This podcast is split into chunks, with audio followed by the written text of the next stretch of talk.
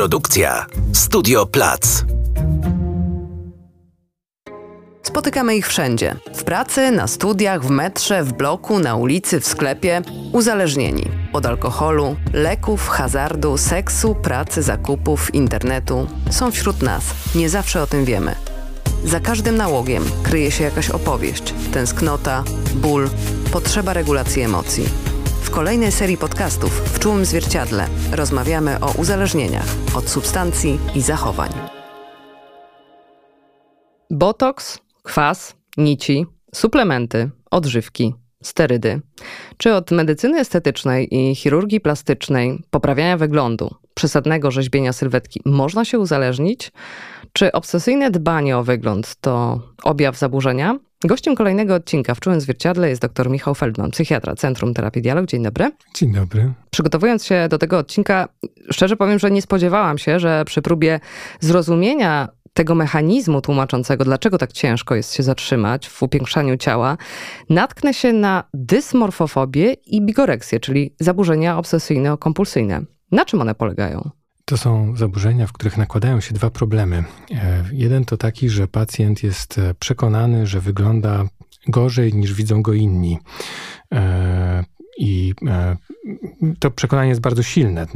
Pacjent jest naprawdę pewny, że, że rzeczywiście jakiś element jego wyglądu, albo sylwetka, albo nie, nos, albo uszy, albo każdy inny element, że budzi odrazę u innych, że wygląda po prostu bardzo, bardzo źle. E, a drugi problem, który w tych, żeby rozpoznać taką chorobę, e, trzeba stwierdzić, to to, że pacjent nie potrafi przestać o tym myśleć. Że, że, że myśli, że, że, że te myśli o tym złym wyglądzie wciąż e, wracają. E, natrętnie wracają i w związku z tym bardzo trudno jest się nawet czymś innym zająć, czy e, na czymś innym skupić, ponieważ gdzieś w tyle głowy cały czas te myśli krążą, że e, wyglądam źle, że ten mój nos naprawdę źle wygląda.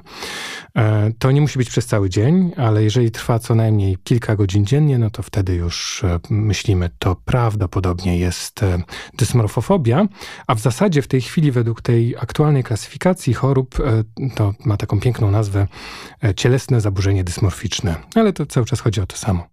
E, w przypadku bigoreksji, no bo e, domyślam się, że dysmorfofobia częściej e, dotyka kobiet albo częściej się zgłaszają?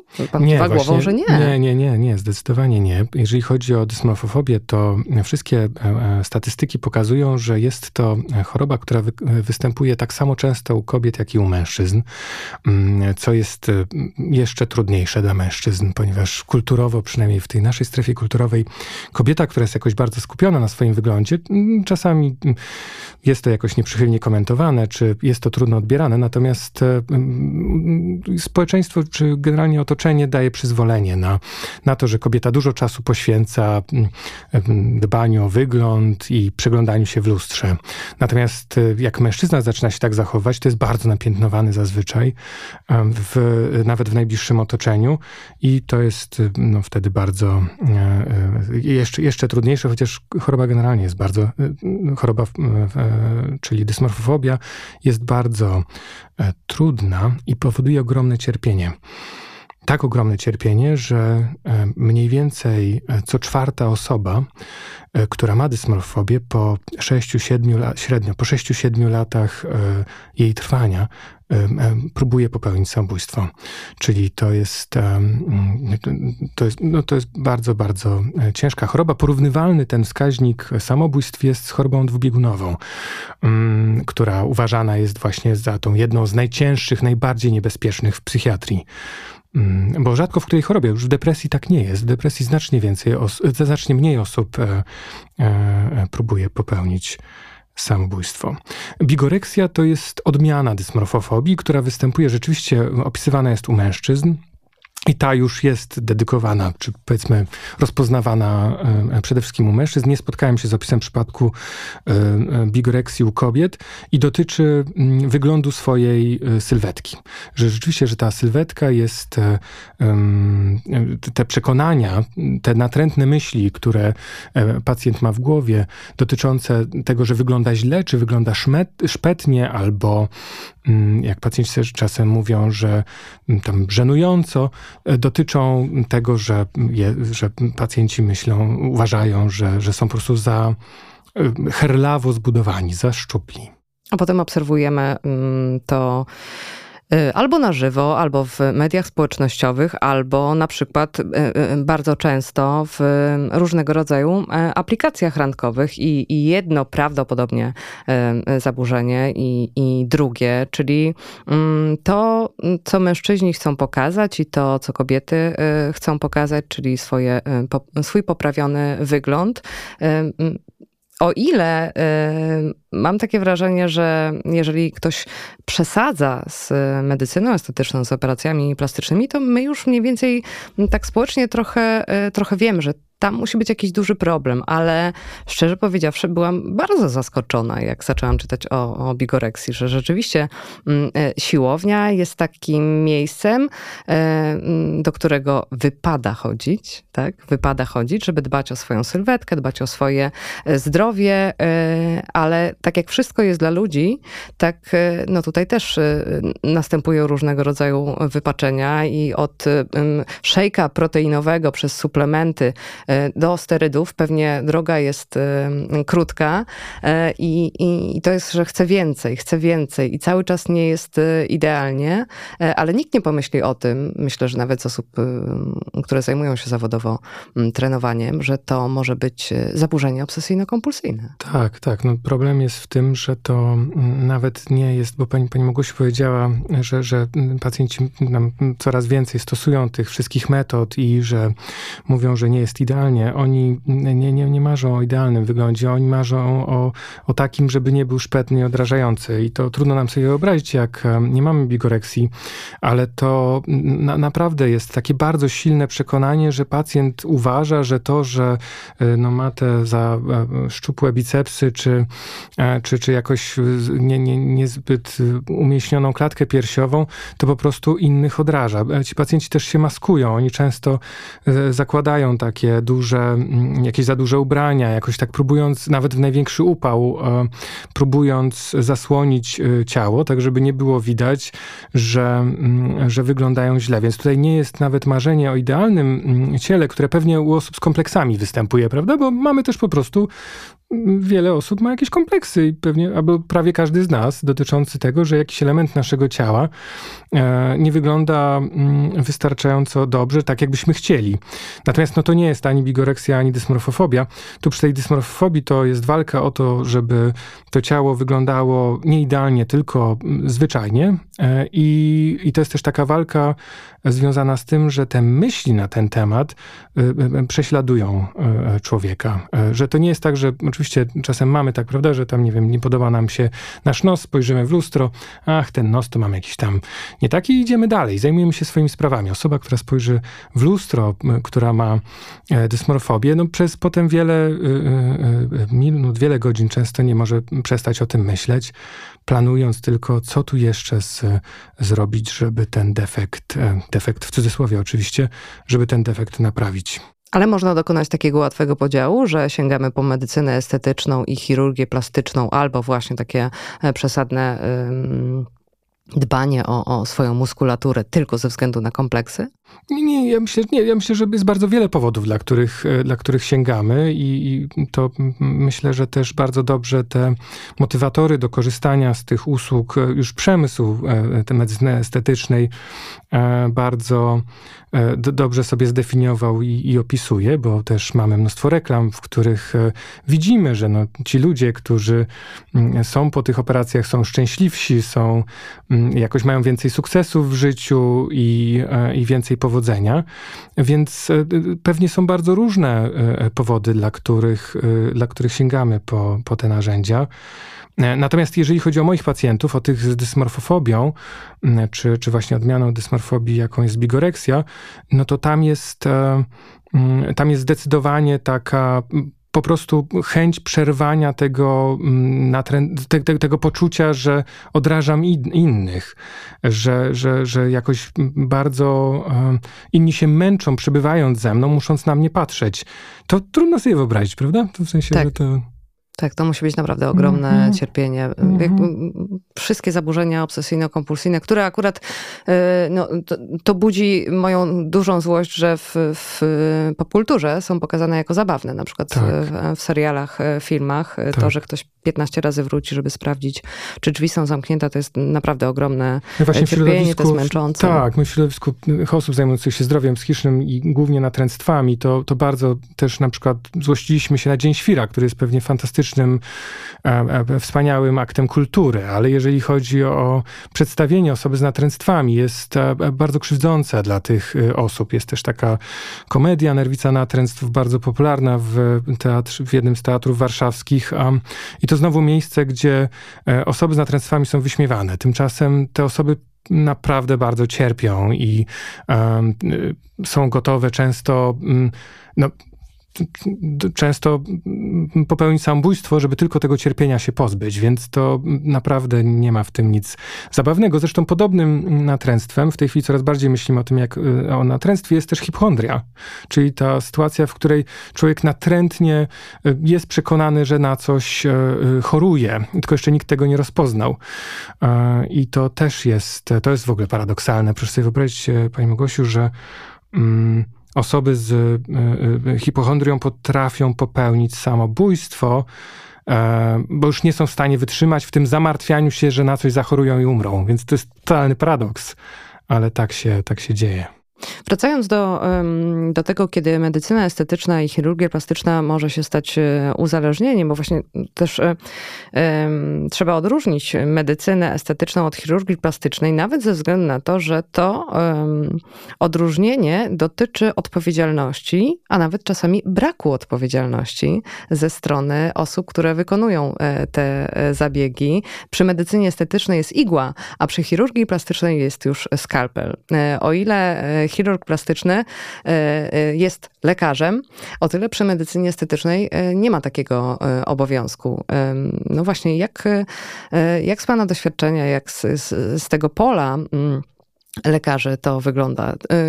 Czy jest ta etyka przestrzegana w mm, chirurgii plastycznej i medycynie estetycznej? Czy tam, gdzie są duże pieniądze, nie ma miejsca na etykę? Ten podział jest chyba trochę bardziej skomplikowany. Mhm. To znaczy, chirurdzy plastyczni też wykonują zabiegi przy pomocy igły, nie tylko przy pomocy skalpela, ale rzeczywiście jest y, ogromny problem y, takiego braku uregulowania y, tego, kto może wykonywać i które to są zabiegi, a które to są już operacje. W związku z tym bardzo dużo osób bardzo źle przygotowanych do tego zawodu, albo w ogóle nie przy, bez przygotowania, otwiera takie tak zwane gabinety medycyny estetycznej i oferuje tam różne bardziej lub mniej inwazyjne zabiegi.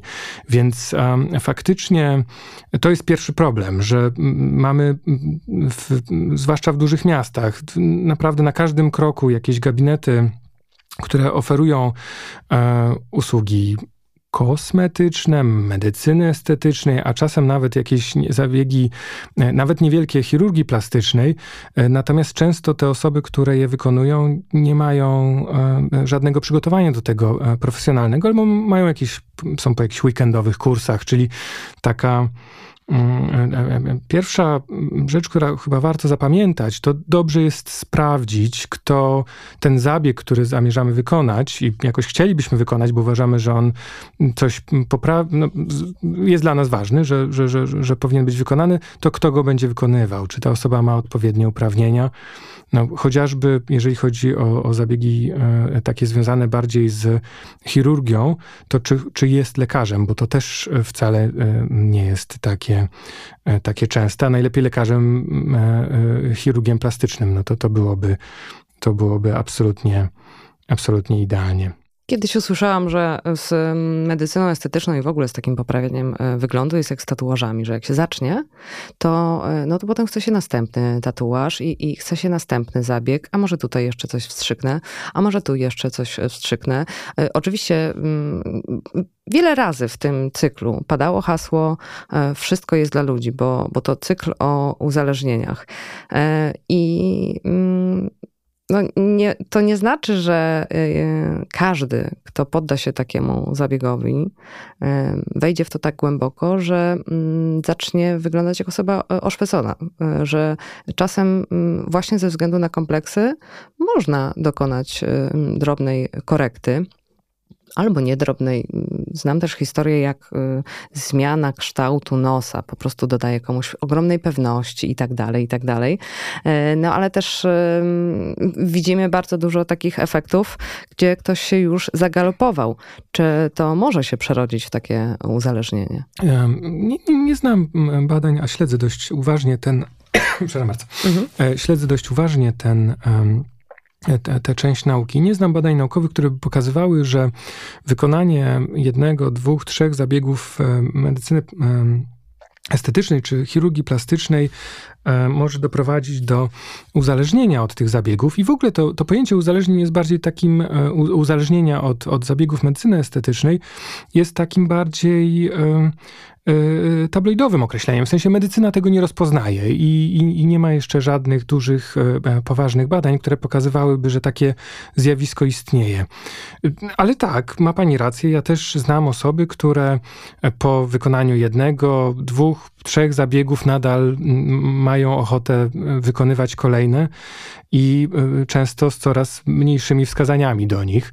I to ogromna rola wtedy tego profesjonalisty, który się podejmuje wykonania zabiegu, żeby w, pewnym momencie powiedział stop i powiedział, ale może to nie jest konieczne, albo może warto e, e, zobaczyć, czy rzeczywiście ta zmiana e, przyniesie przyniesie pani jakąś korzyść, pani panu jakąś korzyść.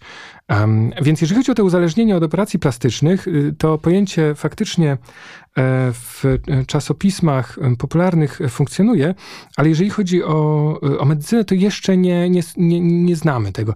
Wydaje się, że dla osoby, która, tak jak pani powiedziała, która ma kompleks, E, I to jest kompleks, czyli normalnie żyje. To nie wpływa w żaden sposób na jej decyzje życiowe, czy na takie codzienne funkcjonowanie, ale jest niezadowolona z jakiegoś elementu swojego wyglądu, że taki zabieg y, nie jest niebezpieczny. No, bardzo bym się zastanawiał nad, nad e, decyzją o takim zabiegu w sytuacji, kiedy, e, kiedy taka osoba z tym kompleksem y, y, y, naprawdę w kółko o nim myśli, albo z powodu tego e, swojego defektu przez, nie wiem, nie wychodzi do ludzi, nie, albo przestaje wychodzić do ludzi, czy do szkoły, czy do pracy, albo mm, przestaje jakoś, a, przestaje wykonywać codzienne obowiązki domowe, ponieważ jakbyś cały dzień przegląda się E, w lustrze i ten, i ten defekt obserwuje, no tutaj bym się zastanowił, czy, czy, czy, czy zabieg powinien wyko być wykonany i pewnie z dużym prawdopodobieństwem y, raczej bym bardzo był ostrożny w decyzji o podjęciu tego zabiegu.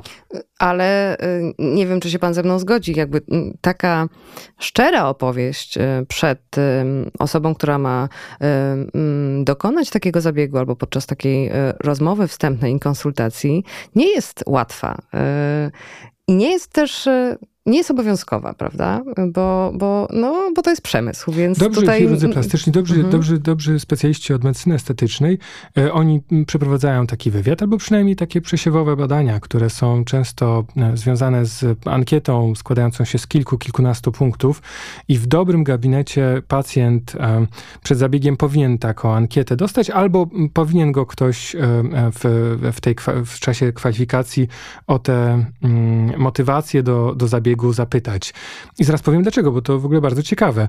Okazuje się, i tak wynika z badań powtarzanych wielokrotnie w różnych e, miejscach na świecie e, przez różnych badaczy, że osoba, która mm, ma dysmorfofobię, czy właśnie ma to takie niezdrowe, natrętne zamartwianie się defektem, który nie istnieje albo jest niewidoczny dla innych, e, po wykonaniu zabiegu mm, albo uzna, że jest jeszcze gorzej, ta, ten, ten defekt pogorszył się względem tego, tego wyjściowego, albo drugie rozwiązanie, wcale nie lepsze, uzna, że no dobrze, no z tym nosem no to może jest lepiej, ale podbródek jest, jest fatalny. I i tak będzie się działo dalej i dalej, ponieważ e, te natrętne myśli przecież nie związane są z tym, że naprawdę jest e, e, defekt, tylko dlatego, że one są tylko związane z tym, że rzeczywiście złe, źle działa przetwarzanie wzrokowe w mózgu, ten jeden proces, który odpowiada za to, jak się widzimy jak widzimy cały świat, a i, i źle działa ten drugi proces związany z tym, że jeżeli czymś zaczynamy się zamartwiać, to nie, nie, nie jesteśmy w stanie przestać o tym myśleć, tylko myślimy o tym w kółko. To są te dwa procesy, które są zaburzone. Jest to choroba mózgu. Nie ma to mm, nic wspólnego z tym, jaki ten nasz nos, y, czy zęby, czy włosy naprawdę są. Ale chyba mm, ciężko odpowiedzieć sobie na pytanie, co mną e, kieruje i motywuje, e, że chcę poprawić w sposób e, mniej znaczny lub bardziej znaczny swój wygląd, bo przyznanie sobie szczerze, co za tym stoi, bardzo często stoi lęk, problem z akceptacją i wiele doświadczeń, które wpływają na życie człowieka, no, chcemy to wyprzeć, że jakby to jest tak gigantyczne obciążenie, tak jak przy każdym uzależnieniu, zanim zorientujemy się, co za tym stoi, i dlaczego to robimy, szczególnie przy no, uzależnieniach behawioralnych, e, które są społecznie akceptowane, jak wspaniały pracoholizm, zakupoholizm, no takie czasy, prawda, tutaj e, mamy mm, kapitalizm, to dlaczego nie kupować, skoro mamy pieniądze.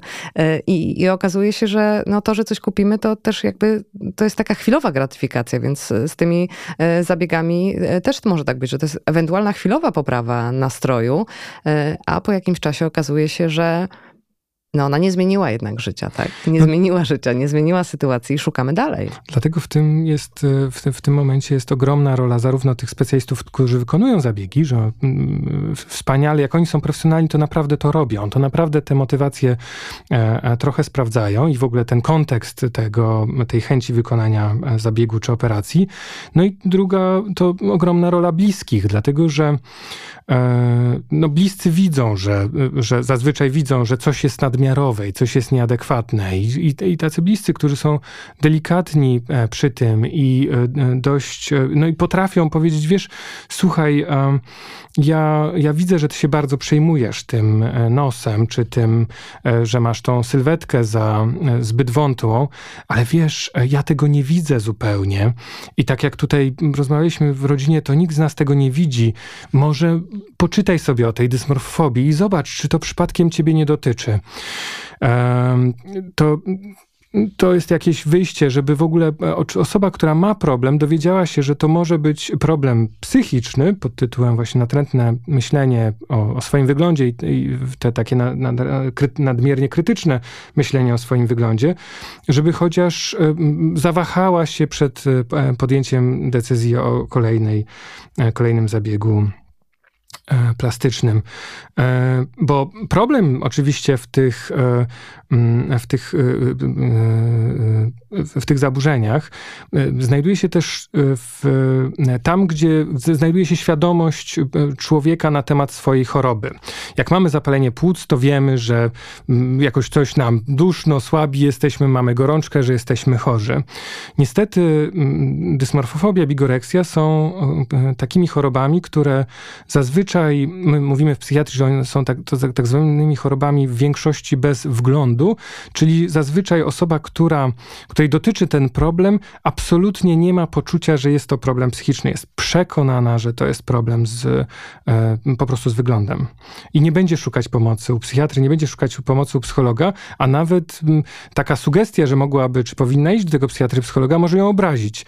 Natomiast można powiedzieć, wiesz co, tu jest taka ciekawa, e, ciekawa choroba, to mm, zobacz, może to tutaj patrzysz, że tak dużo czasu spędzasz, tak dużo się martwisz tym, tym wyglądem, że tak trudno ci o, o czymś innym myśleć, mm, to, to, to zobacz, po, poczytaj sobie o tym. I to często sprawia, że pacjenci zaczynają rozmyślać, e, co jest prawdziwą przyczyną ich zmartwień. No, to może być też e, bardzo trudne w ogóle, jak zwrócenie bliskiej osobie uwagi, że ma e, problem z jakąś substancją bądź z jakimś zachowaniem, kiedy to nie jest uświadomione albo kiedy ta osoba, która rzeczywiście ma z tym problem, e, może to zauważa, ale jeszcze to wypiera, może zareagować e, tak, jakbyśmy nie chcieli, czyli no, obrazić się, zareagować agresją i tak dalej. I, yy... Tego się nigdy nie robi, Pani Małgosiu, oczywiście w nerwach. Tego się nigdy nie tak. robi w sytuacji konfliktowej. Wtedy absolutnie trzeba zacisnąć zęby i spokojnie rozmawiać, zmieniać temat, zajmować się czymś innym.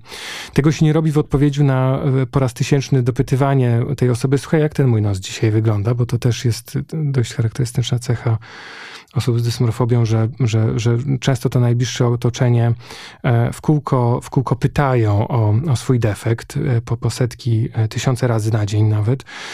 To, to się robi w takiej, w takiej atmosferze wtedy, kiedy jest taka chwila takiego, taka spokojna i taka, w której jest taka przestrzeń na to, żeby powiedzieć, ej, słuchaj, to, to ciekawe, może warto o tym, o tym poczytać, ale też oczywiście nie, nie mówiąc, ty to powinieneś iść do psychiatry, tak. bo na to się na pewno każdy z nas by no, pewnie obraził. No jest taka y, też y, druga strona medalu, bardzo smutna, przykra, trochę to się zmienia, ale myślę, że potrzeba na to wiele, wiele lat. Ja, ja, ja siedzę trochę w tej bańce i wydaje mi się, że już i tak jest lepiej, ale okazuje się, że wcale nie jest, bo jak słyszymy cały czas, nawet jeżeli chodzi o depresję, która jest naprawdę już chorobą, o której się bardzo dużo mówi, to słyszymy takie hasła, kiedyś to nie było depresji, albo że wymyślasz. No to jeżeli przy tak już uświadomionej chorobie cały czas ona jest podważana, to przy tak delikatnej i nieznanej, nieznanej i tak ogromnie wstydliwej mhm. e, chorobie, bo, bo, bo, bo to musi być ogromny e, wstyd i żeby mm, no, powiedzieć e, o takim defekcie, tak, nawet bliskiej osobie, to można bardzo szybko usłyszeć, że przesadzasz. I Oczywiście. jak to wtedy działa na, na tego Pacjenci pacjenta? Pacjenci słyszą tak, przesadzasz, mhm. jesteś próżna, zajmij się czymś, to ci przejdzie. Słyszą mnóstwo takich, e, takich komentarzy, które są e, trudne, czasami też od, nawet od lekarzy, czy od osób, które powinny e, pewnie mieć wie, wie, psychologów, od osób, które powinny mieć większe wyczulenie na te tematy. Więc e, tak, to jest trudne, pacjenci się bardzo wstydzą e, mówić o tym swoim wyglądzie, e, o tym swoim defekcie, e, ponieważ uznają go za bardzo szpecący, więc absolutnie próbują go za wszelką cenę maskować i ukrywać, a nie, a nie o nim rozmawiać. Aczkolwiek w tym najbliższym otoczeniu, wśród tych osób, do których mają zaufanie, duże zaufanie, no to często w drugą stronę, często wyłącznie nie są w stanie trochę o niczym innym rozmawiać, tylko cały czas rozmawiają o tych um, o, o, o, tych, o tych e, swoich częściach ciała, które, które budzą w nich niezadowolenie. I często wtedy te rodziny zrzucają się, mam, znam takie historie, zrzucają się na tą operację plastyczną, czy jakiś zabieg, który ma e, te, ten defekt znieść, jeżeli jest to możliwe, bo nie, nie, nie każdy z defektów, którym się przyjmują pacjenci jest do zniesienia, zrzucają się, po czym e, przeżywają ogromne zaskoczenie, kiedy już po operacji okazuje się, że, że dalej jest e, problem albo że jest jeszcze większy, więc. E, kiedy pacjenci e, do Pana trafiają? Kiedy orientują się, że kolejny zabieg nie zmienił samopoczucia, samooceny, czy kiedy to leczenie u dermatologów i chirurgów prowadzi donikąd? Czy, czy, czy zdarza się, że ktoś jeszcze przed ingerencją ze strony medycyny estetycznej, chirurgii plastycznej albo dermatologii zajmie się swoim zaburzeniem, czy jednak jest najpierw ta, ta, ta droga, zanim no, ten gabinet psychiatry będzie tym ostatnim gabinetem? Bardzo różnie. E, część pacjentów e, trafia, ponieważ e, zupełnie pod innym hasłem trafiają do psychiatrów i potem często psychiatrzy już kierują do, do, do specjalistów, którzy zajmują się tylko zaburzeniami obrazu ciała, a jest takich osób kilka w Polsce.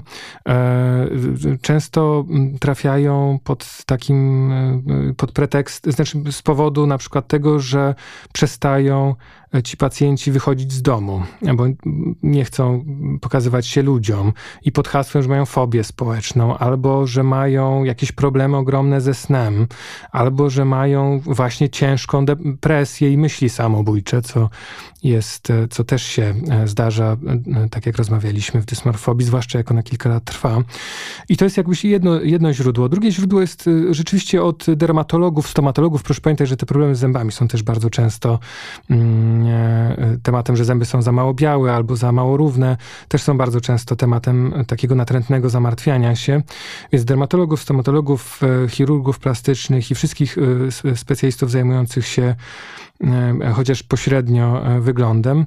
E, no i są też pacjenci, którzy trafiają dzięki swoim rodzinom, w sensie, że rodziny zaniepokojone tym, co się dzieje z córką, synem, żoną, mężem, zaczynają szukać w internecie, o co chodzi z tym ciągłym takim uzależnieniem od przeglądania się w lustrze, albo uzależnieniem od, oni tak często o tym mówią, uzależnieniem od od, od, od e, jakiegoś sprawdzania czy e, tuszowania własnego wyglądu, e, szukają i znajdują, że to jest dysmorfofobia i wtedy, i wtedy kierują swoich, no jakoś zachęcają swoich najbliższych do, do zgłoszenia się. Więc to są chyba najczęstsze drogi pacjentów, którzy docierają do mnie. A słyszał pan kiedyś od pacjenta, że przysłał go właśnie specjalista medycyny estetycznej albo chirurg tak, plastyczny? Tak, to się zdarza. To się zdarza i to się zdarza nie tylko z takich powodów, to, to, to też ciekawe, ciekawe, bo ci, y, y, są takie przepisy w Polsce, że jeżeli mm, zabieg medycyny estetycznej jest, czy chirurgii plastycznej jest e, ze względu na, wykonywany ze względu na stan zdrowia, to on wtedy jest zwolniony z VAT-u, czyli kosztuje znacznie mniej niż zabieg taki wykonywany komercyjnie z ulicy. W związku z tym to jest też pretekst, który często używają lekarze medycyny estetycznej, w ogóle ci specjaliści, do tego, żeby skierować do psychiatry. Niech pani pójdzie do psychiatry, on da pani takie zaświadczenie, że to chodzi o to, żeby e, e, pani tą, czy panu tę e, jakby, nie wiem, poprawić, zmniejszyć ryzyko zachorowania na depresję, albo właśnie sprawić, że tutaj coś, coś poprawić, jeżeli chodzi o, o stan zdrowia, i wtedy będziemy mogli wykonać ten zabieg bez VAT-u. I ci pacjenci zgłaszają, no i mm, nie dostają wtedy tego zaświadczenia, tylko zajmujemy się ich leczeniem ale często, chociaż tak. Natomiast, e, natomiast to, to, też się, to też się zdarza i wcale nierzadko. Pierwsze takie skojarzenie, które może się pojawić właśnie a propos e, takiego obsesyjnego przeglądania się w lustrze, porównywania i szukania tego defektu. E, tam to... nie ma szukania. Ta, tam jest e, pewność? Tam, tam jest pewność. Okay. Tam jest absolutna pewność, tak jak pani jest pewna w tej chwili, że pani mnie widzi, państwo mnie słyszą. Tak, tam jest pewność, jest pewność. że ten defekt e, jest. Czy to może e, wyniknąć, ale ponieważ e, ta jednostka została wykryta dużo, dużo wcześniej niż pojawiły się media społecznościowe, ale bardzo lubimy często e, wiązać, często bardzo słusznie, różnego rodzaju problemy ze względu na to, że porównujemy się z tym, co dzieje się w mediach społecznościowych, z tymi idealnymi sylwetkami, z tymi właśnie też zakupami, z tą pracą i z tym wszystkim i myślimy sobie, że jakby wszyscy dają radę, tylko nie my, więc media społecznościowe, internet mogą wpędzić nas w różnego rodzaju e, kryzysy psychiczne i zaburzenia nawet, ale to nie dotyczy, to, to, to zaburzenie nie, e, nie ma, nie wynika z takiego porównywania się, czy ono może się nasilić, czy zauważył pan przez te lata praktyki e, jakby zwiększenie liczby pacjentów, czy może zwiększenie świadomości? Nie, nie, nie da się wywołać tej choroby mhm. Instagramem albo innymi oglądaniem kolorowych gazet. E, Czyli dlatego, to nie jest tak, że naoglądałeś się, bo na pewno te osoby to słyszą. Generalnie mamy ogromny problem i to nie tylko w Polsce, ale generalnie w, w, w tym świecie zachodnim ma, mamy ogromny problem z ogromną ilością kompleksów, znacznie większą niż, e, niż pewnie jeszcze 50 czy, czy 100 lat temu. Widzimy ten często idealny świat w, na zdjęciach naszych znajomych, często retuszowanych zdjęciach, czy filtrowanych po, po, tak. po filtrze zdjęciach naszych e, znajomych, na zdjęciach gwiazd i w związku z tym rzeczywiście e, jak pyta się E, e, w różnych badaniach takich społecznych, e, socjologicznych ludzi o to, na ile są zadowoleni ze swojego wyglądu, to, przeży, to te, te, te odpowiedzi są w tej chwili dużo gorsze niż w ten odsetek osób zadowolonych ze swojego wyglądu jest znacznie niższy niż jeszcze 20, 30 czy 50 lat temu. I to, to jest zjawisko i to zjawisko jest opisywane przez różnych badaczy.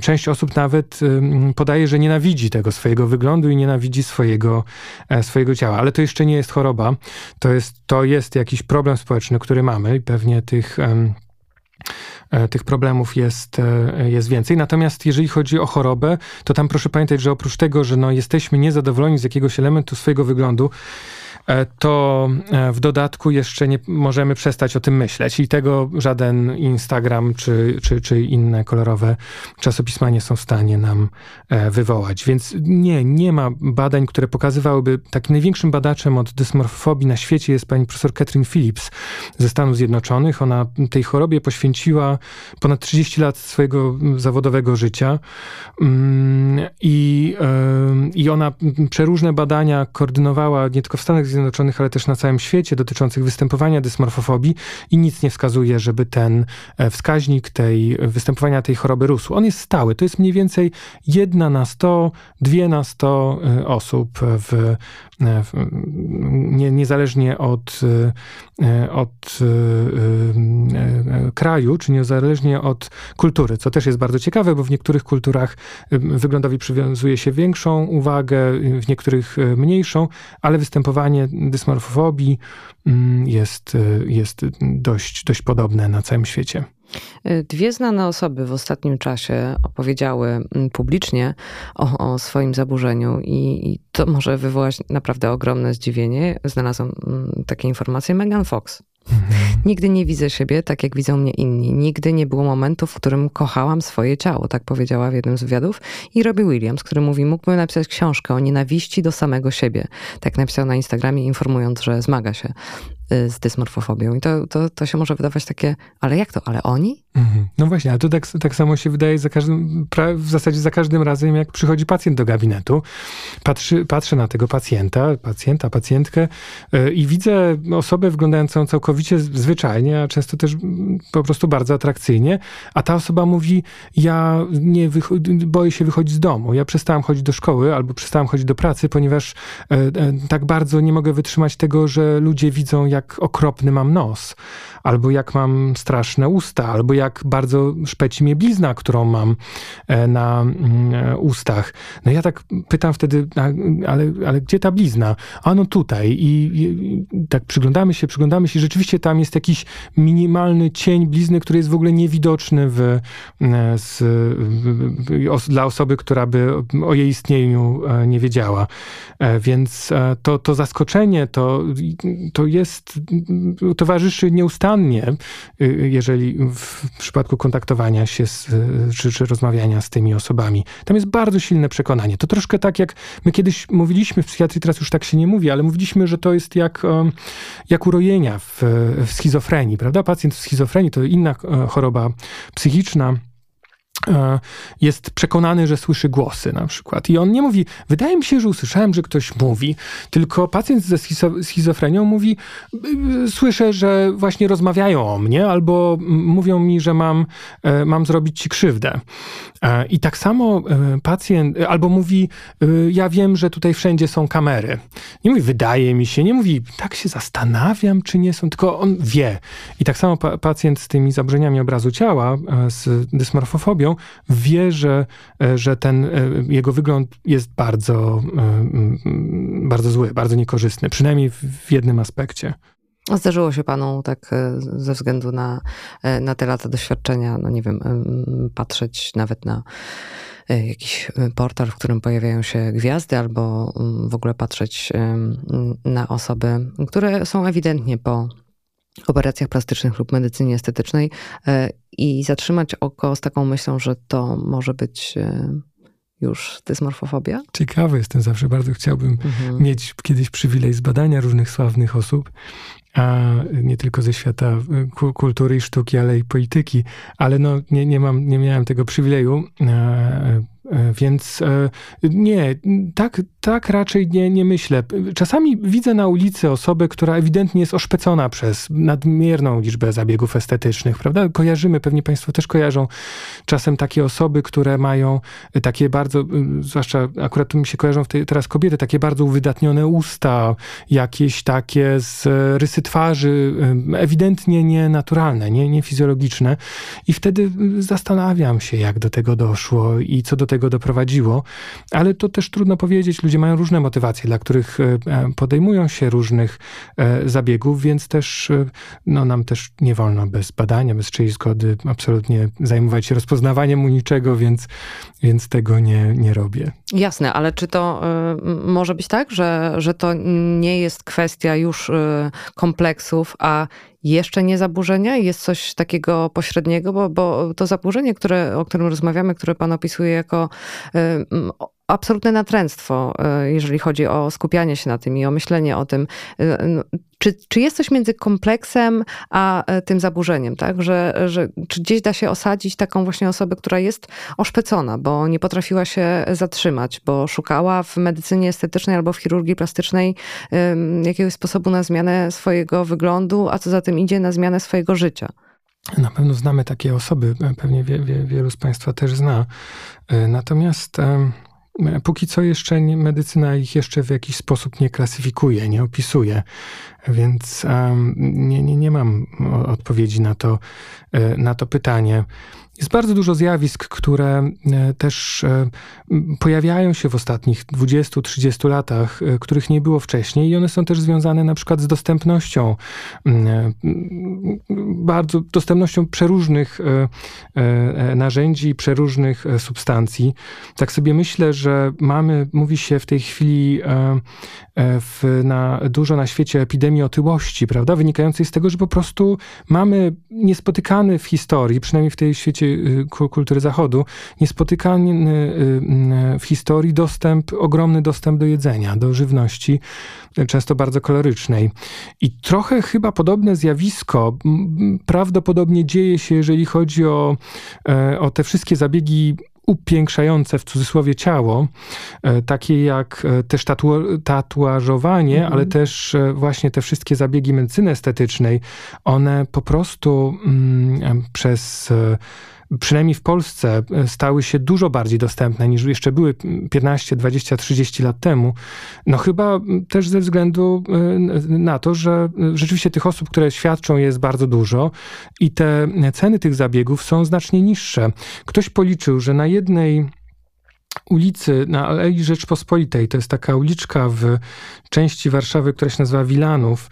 E, e, e, gabinetów, które oferują zabiegi kosmetyczne, medycyny estetycznej, czy jakieś zabiegi, niewielkie zabiegi plastyczne jest ponad 50. Więc mamy, można powiedzieć, że są miejsca w Polsce już, w których na, na każdym kroku mamy tę ofertę i ona w dodatku jest dość przystępna cenowo. W związku z tym to może kusić tym e, wykonywaniem nadmiernie i niepotrzebnie tych, e, tych zabiegów, prawda? Jak, e, czy, czy jest ustalone, zostało zbadane, Skąd się bierze zaburzenie, jakim jest e, dysmorfofobia i jej odmiana, czyli bigoreksja? To wynika z doświadczeń z dzieciństwa. Ja wiem, że wszystko, e, o wszystko oskarżamy doświadczenia dzieciństwa, ale sorry, niestety bardzo często tak jest. E, czy to właśnie to krytyczne postrzeganie siebie, takie obsesyjne, ono może wynikać z no, zaburzenia więzi, z odrzucenia, z, czy, czy z takiej osobowości skłonnej do perfekcjonizmu? To jest taka kwestia behawioralna, tam, tam mogą się pojawić geny, środowiskowe czynniki? Zawiodę panią, ale niestety wszystkie te składniki mhm. mogą mieć wpływ i mm, do dzisiaj nie wiemy, y, co przede wszystkim i jak to się dzieje, że są osoby, które wychowują się w y, pięknych, y, w, w naprawdę w świetnych warunkach i w bardzo kochających rodzinach i rozwijają e, te zaburzenia obrazu ciała. Są osoby, które mm, wychowują się w mm, bardzo trudnych warunkach, w których bardzo dużo zwraca się uwagę na wygląd i a też tam jest dużo różnych innych trudności w tym dzieciństwie, a u nich się nie rozwija e, e, dysmorfofobia. Też widzimy odrobinę częściej występujące te zaburzenia u osób, u których ktoś w rodzinie też miał, znaczy w sensie w poprzednich pokoleniach, wśród rodziców, dziadków miał e, e, jakieś e, taką nadmiernie skupioną, dzieci powiedziałyby chyba hiperfokus teraz, taki nadmiernie skupioną uwagę na, e, na wyglądzie, e, ale to nie jest duży odsetek, więc prawdopodobnie w tej chwili się uważa, badacze uważają, że to jest jakaś, e, jakaś zbieżność kilku różnych czynników, czyli że może trochę podatności genetycznej, trochę takich trudności w dzieciństwie i trochę jakichś jeszcze uwarunkowań społecznych, które, które występują w, wokół pacjenta w trakcie, kiedy on się rozwija. Większość moich pacjentów ma taką historię, zazwyczaj jakiejś takiej sytuacji, w której ktoś bardzo krytycznie wypowiedział się o ich mm, wyglądzie, e, albo wypowiadał, albo jakoś prześladował, albo im dokuczał. Ale często jak się podrąży temat, to więc ta, ta historia zazwyczaj jakaś jest, że to się zaczęło od tego, że mama mi mówiła, że ten mój nos to coś, a, ale jak się podrąży e, e, to temat, to często okazuje się, że te objawy raczej występowały też w takiej nadmiernego, nadmiernej koncentracji na wyglądzie występowały mm, często wcześniej, niż ktoś w rodzinie albo ktoś ze znajomych y, to jakoś skomentował, czy, czy jakoś komentował. Te komentarze często były wywołane jakimiś wypowiedziami pacjenta. No generalnie mm, raczej mm, żadne, żadne badania i też moje doświadczenie pokazuje, że to nie jest tak, że można u kogoś bliskiego E, wywołać u swojego dziecka, na przykład wywołać dysmorfofobię jakimiś, jakimiś zachowaniami czy jakimiś e, treściami, które mu się przekazuje. Czy jest jakiś e, wiek, w którym to zaburzenie może, e, jest ryzyko, że, e, że się rozwinie? Ono Bo się ono ujawnia, się rozwija, tak? Tak, tak, tak. Ono się, się ujawnia najczęściej między, wtedy, kiedy człowiek zaczyna dojrzewać. Uważa się, że między 14 a 16, 17 rokiem życia najczęściej się zaczyna. Tylko, że proszę pamiętać, że często jest bardzo długo przeżywane mm, zupełnie w samotności przez tą Albo osobę. zignorowane przez dorosłych. I tak, i, i zignorowane przez otoczenie, ale no, często w ogóle jest przeżywane bardzo długo w samotności i my też jesteśmy przyzwyczajeni do tego, że ci nastolatkowie jak dojrzewają, to mają różne tematy do zamartwiania się i, i mają różne, i nadmiarowo przeżywają różne problemy, więc też rzadko kto podchodzi do tego poważnie. Natomiast ten wiek, w którym uważa się, że najczęściej rozpoczyna się, e, rozpoczynają się objawy, to jest mniej więcej między 14 a 17 rokiem życia. I to nie jest tak, że, że kiedy te objawy się pojawią albo jakoś y, trwają, to to pacjent e, trafia do e, gabinetu, bo zaczyna być to uciążliwe. To, tak jak pan powiedział, to są i lata cierpienia, i um, izolowanie się od aktywności społecznych, e, rodzinnych i jakichkolwiek, i dopiero ewentualnie często bliscy um, pomagają. No tak, bliscy są cze, cze, często bardzo tym przerażeni. W sensie najpierw różne mają właśnie te strategie związane z tym, żeby to jakoś tam dewaluować, albo mówić, no zajmij się czymś, albo udawać udowadniać, że jest inaczej. Na przykład wyciągają e, jakieś zdjęcia różnych osób i zaczynają porównywać i mówić, no masz taki, e, przecież ten nos to masz jak tutaj, jak ta, ta gwiazda filmowa, czy, czy, in, e, czy, czy tutaj ta, ta piękna modelka. I tak zazwyczaj jest, że tak jak zresztą pewnie wszyscy byśmy intuicyjnie zrobili, gdyby naszemu dziecku się jakieś takie przekonania pojawiły, że żebyśmy pewnie próbowali tak racjonalnie tłumaczyć, że nie, słuchaj, to nie jest problem, to nie jest żaden, żaden problem. A potem jak to narasta, to się ciągnie e, wiele miesięcy, czy zaczyna kolejny rok, e, to rzeczywiście bliscy zaczynają się bardzo niepokoić, zwłaszcza, że zazwyczaj no, te, te myśli, te myśli natrętne się rozwijają i ten, to dziecko przestaje właśnie, traci znajomych, jakoś nie, nie spotyka się z nikim, mnóstwo czasu przesiaduje w łazience, czy gdzieś przed jakimś lustrem godzinami, ogląda oglądając y, się i, e, no i wtedy oni się niepokoją. Czy da się to wyleczyć, czy da się tylko złagodzić objawy na tyle, żeby wieść komfortowe w miarę życie? Y, to zależy. Y, na pewno im szybciej się zareaguje, tym łatwiej jest, e, łatwiej jest pomóc i to pomóc tak, że objawy znikną całkowicie. Czyli nie tylko zniknie to natrętne myślenie, ale też pacjent zacznie się widzieć w adekwatny sposób, taki jak faktycznie jest.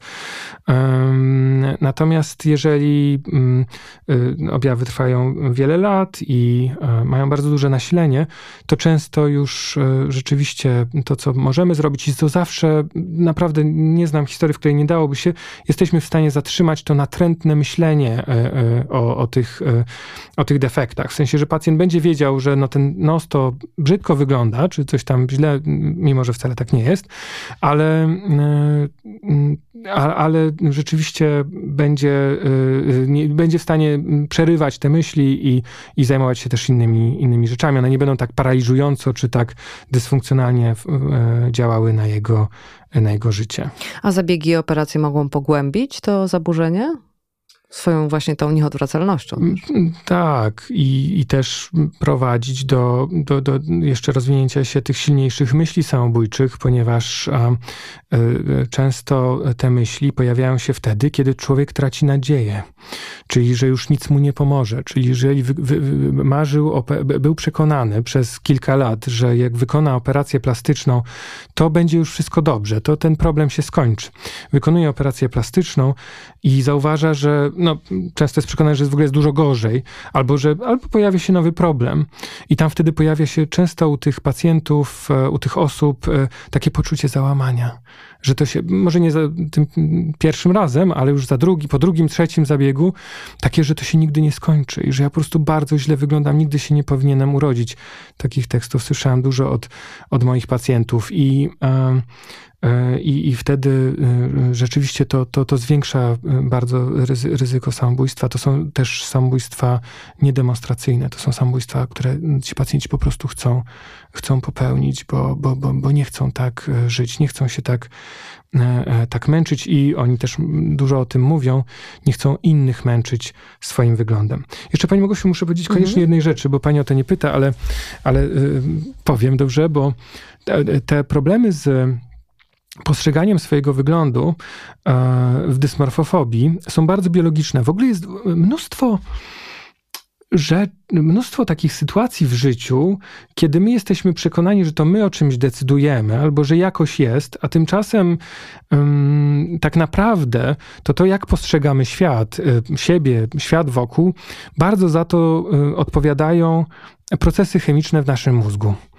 E, to są bardzo skomplikowane procesy. Mm, ostatnio było dużo o tym, że to nie do końca chodzi o teorię serotoninową. Mm, dużo było w mediach na ten temat.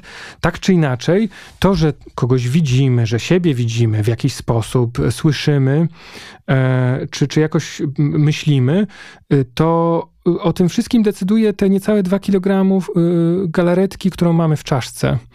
E, I, i, i w związku z tym to, to, rzeczywiście praca mm, psychiatryczna daje dużo, dużo pokory, że no to, że ja panią dzisiaj tutaj widzę, to no myślę, że pani tu jest, ale może to nie jest, e, ale, ale może nie. I że rzeczywiście e, bardzo odpowiada, bardzo ten nasz mózg odpowiada za to, jak świat E, jak świat postrzegamy. I wszyscy kojarzymy, prawda? Na przykład Stany, już tak z, z, takich popularnych e, filmów czy książek, że osoba w depresji to widzi wszystko e, w takim w tak, tak zwanych czarnych barwach, że nie widzi, e, nie, nie jest w stanie ucieszyć się niczym, czy nie widzi jakiejś dobrej perspektywy przed sobą. I jak wyleczymy jej tę depresję, to nagle się okazuje, że ona mówi: Nie, ja mam fajne życie, mam, mam dobre rzeczy przed sobą. Nic się nie zmieniło, oprócz, oprócz działania naszego mózgu i tej, e, i tej właśnie tych procesów chemicznych, które tam się dzieją. Tak samo jest w anoreksji. E, pacjentka przy przychodzi e, i mówi, waży, nie mierzy 175 cm wzrostu, waży 36 kg i mówi, no tak patrzę na siebie i widzę, że te ramiona to mam za grube i to jest, e, i ona naprawdę to widzi. To jest w sytuacji, w której no nie kokietuje, nie, nie, nie opowiada jakichś rzeczy, które chce słyszeć zaprzeczenie, tylko ona naprawdę w ten sposób widzi. Tak jej pokazuje mózg. No i tak samo jest właśnie w schizofrenii, o której dzisiaj rozmawialiśmy, e, jak człowiek słyszy głosy, czy właśnie w dysmorfofobii, jak, jak nadmiernie widzi jakieś defekty, których w swoim ciele, których nie ma. I bardzo ciekawe badanie przeprowadzili badacze dosłownie 5 albo 6 lat temu w Stanach Zjednoczonych gdzie umieścili w rezonansie magnet, w takim funkcjonalnym rezonansie magnetycznym, czyli takim urządzeniu, które pokazuje nie jak mózg jest zbudowany, tylko które fragmenty mózgu mm, działają w odpowiedzi na bodziec. Czyli pokazywali e, pacjentom, którzy byli umieszczeni w, tym funkcjonalnym rezonansie magnetycznym, pokazywali mm, y, y, ich odbicie w lustrze. I, okaz I okazało się, że osoby, które były zdrowe, które nie miały dysmorfobii, zupełnie inny fragment mózgu im zaczynał działać w odpowiedzi na to patrzenie na siebie, niż osoby, które miały dysmorfofobię. Co ciekawe, nie rozmawialiśmy o tym dzisiaj, ale mm, zbadali też w tym badaniu osoby z anoreksją. I okazało się, że te osoby z anoreksją miały dokładnie ten sam, mm, ten sam fragment mózgu im się aktywował w odpowiedzi na ten własny obraz, jak osobom z dysmorfobią. Zupełnie inne miejsce niż u osób zdrowych. To jest bardzo, te, te, procesy są bardzo biologiczne. W związku z tym rzeczywiście nie jesteśmy w stanie idealnie, ale jesteśmy w stanie już w XXI wieku e, wpływać na, e, na to działanie mózgu, trochę przywracać mu e, prawidłowe działanie i w związku z tym też umożliwić tym pacjentom, którzy mm, mają te takie mm, jakby doznania, które, których, które nie istnieją, czy, czy, czy, czy, czy mają jakieś takie nieadekwatne odbieranie rzeczywistości, przywrócić takie odbieranie odbieranie, jak mają osoby zdrowe. To jest fantastyczne. Mm, to bardzo optymistyczne na koniec. Ja lubię tak coś optymistycznego na koniec i, e, i dziękuję, że to się udało. Dziękuję bardzo. Dziękuję pięknie. Dziękujemy za wysłuchanie podcastu. Wszystkie rozmowy cyklu w czułym zwierciadle znajdziesz na zwierciadło.pl oraz w serwisach streamingowych.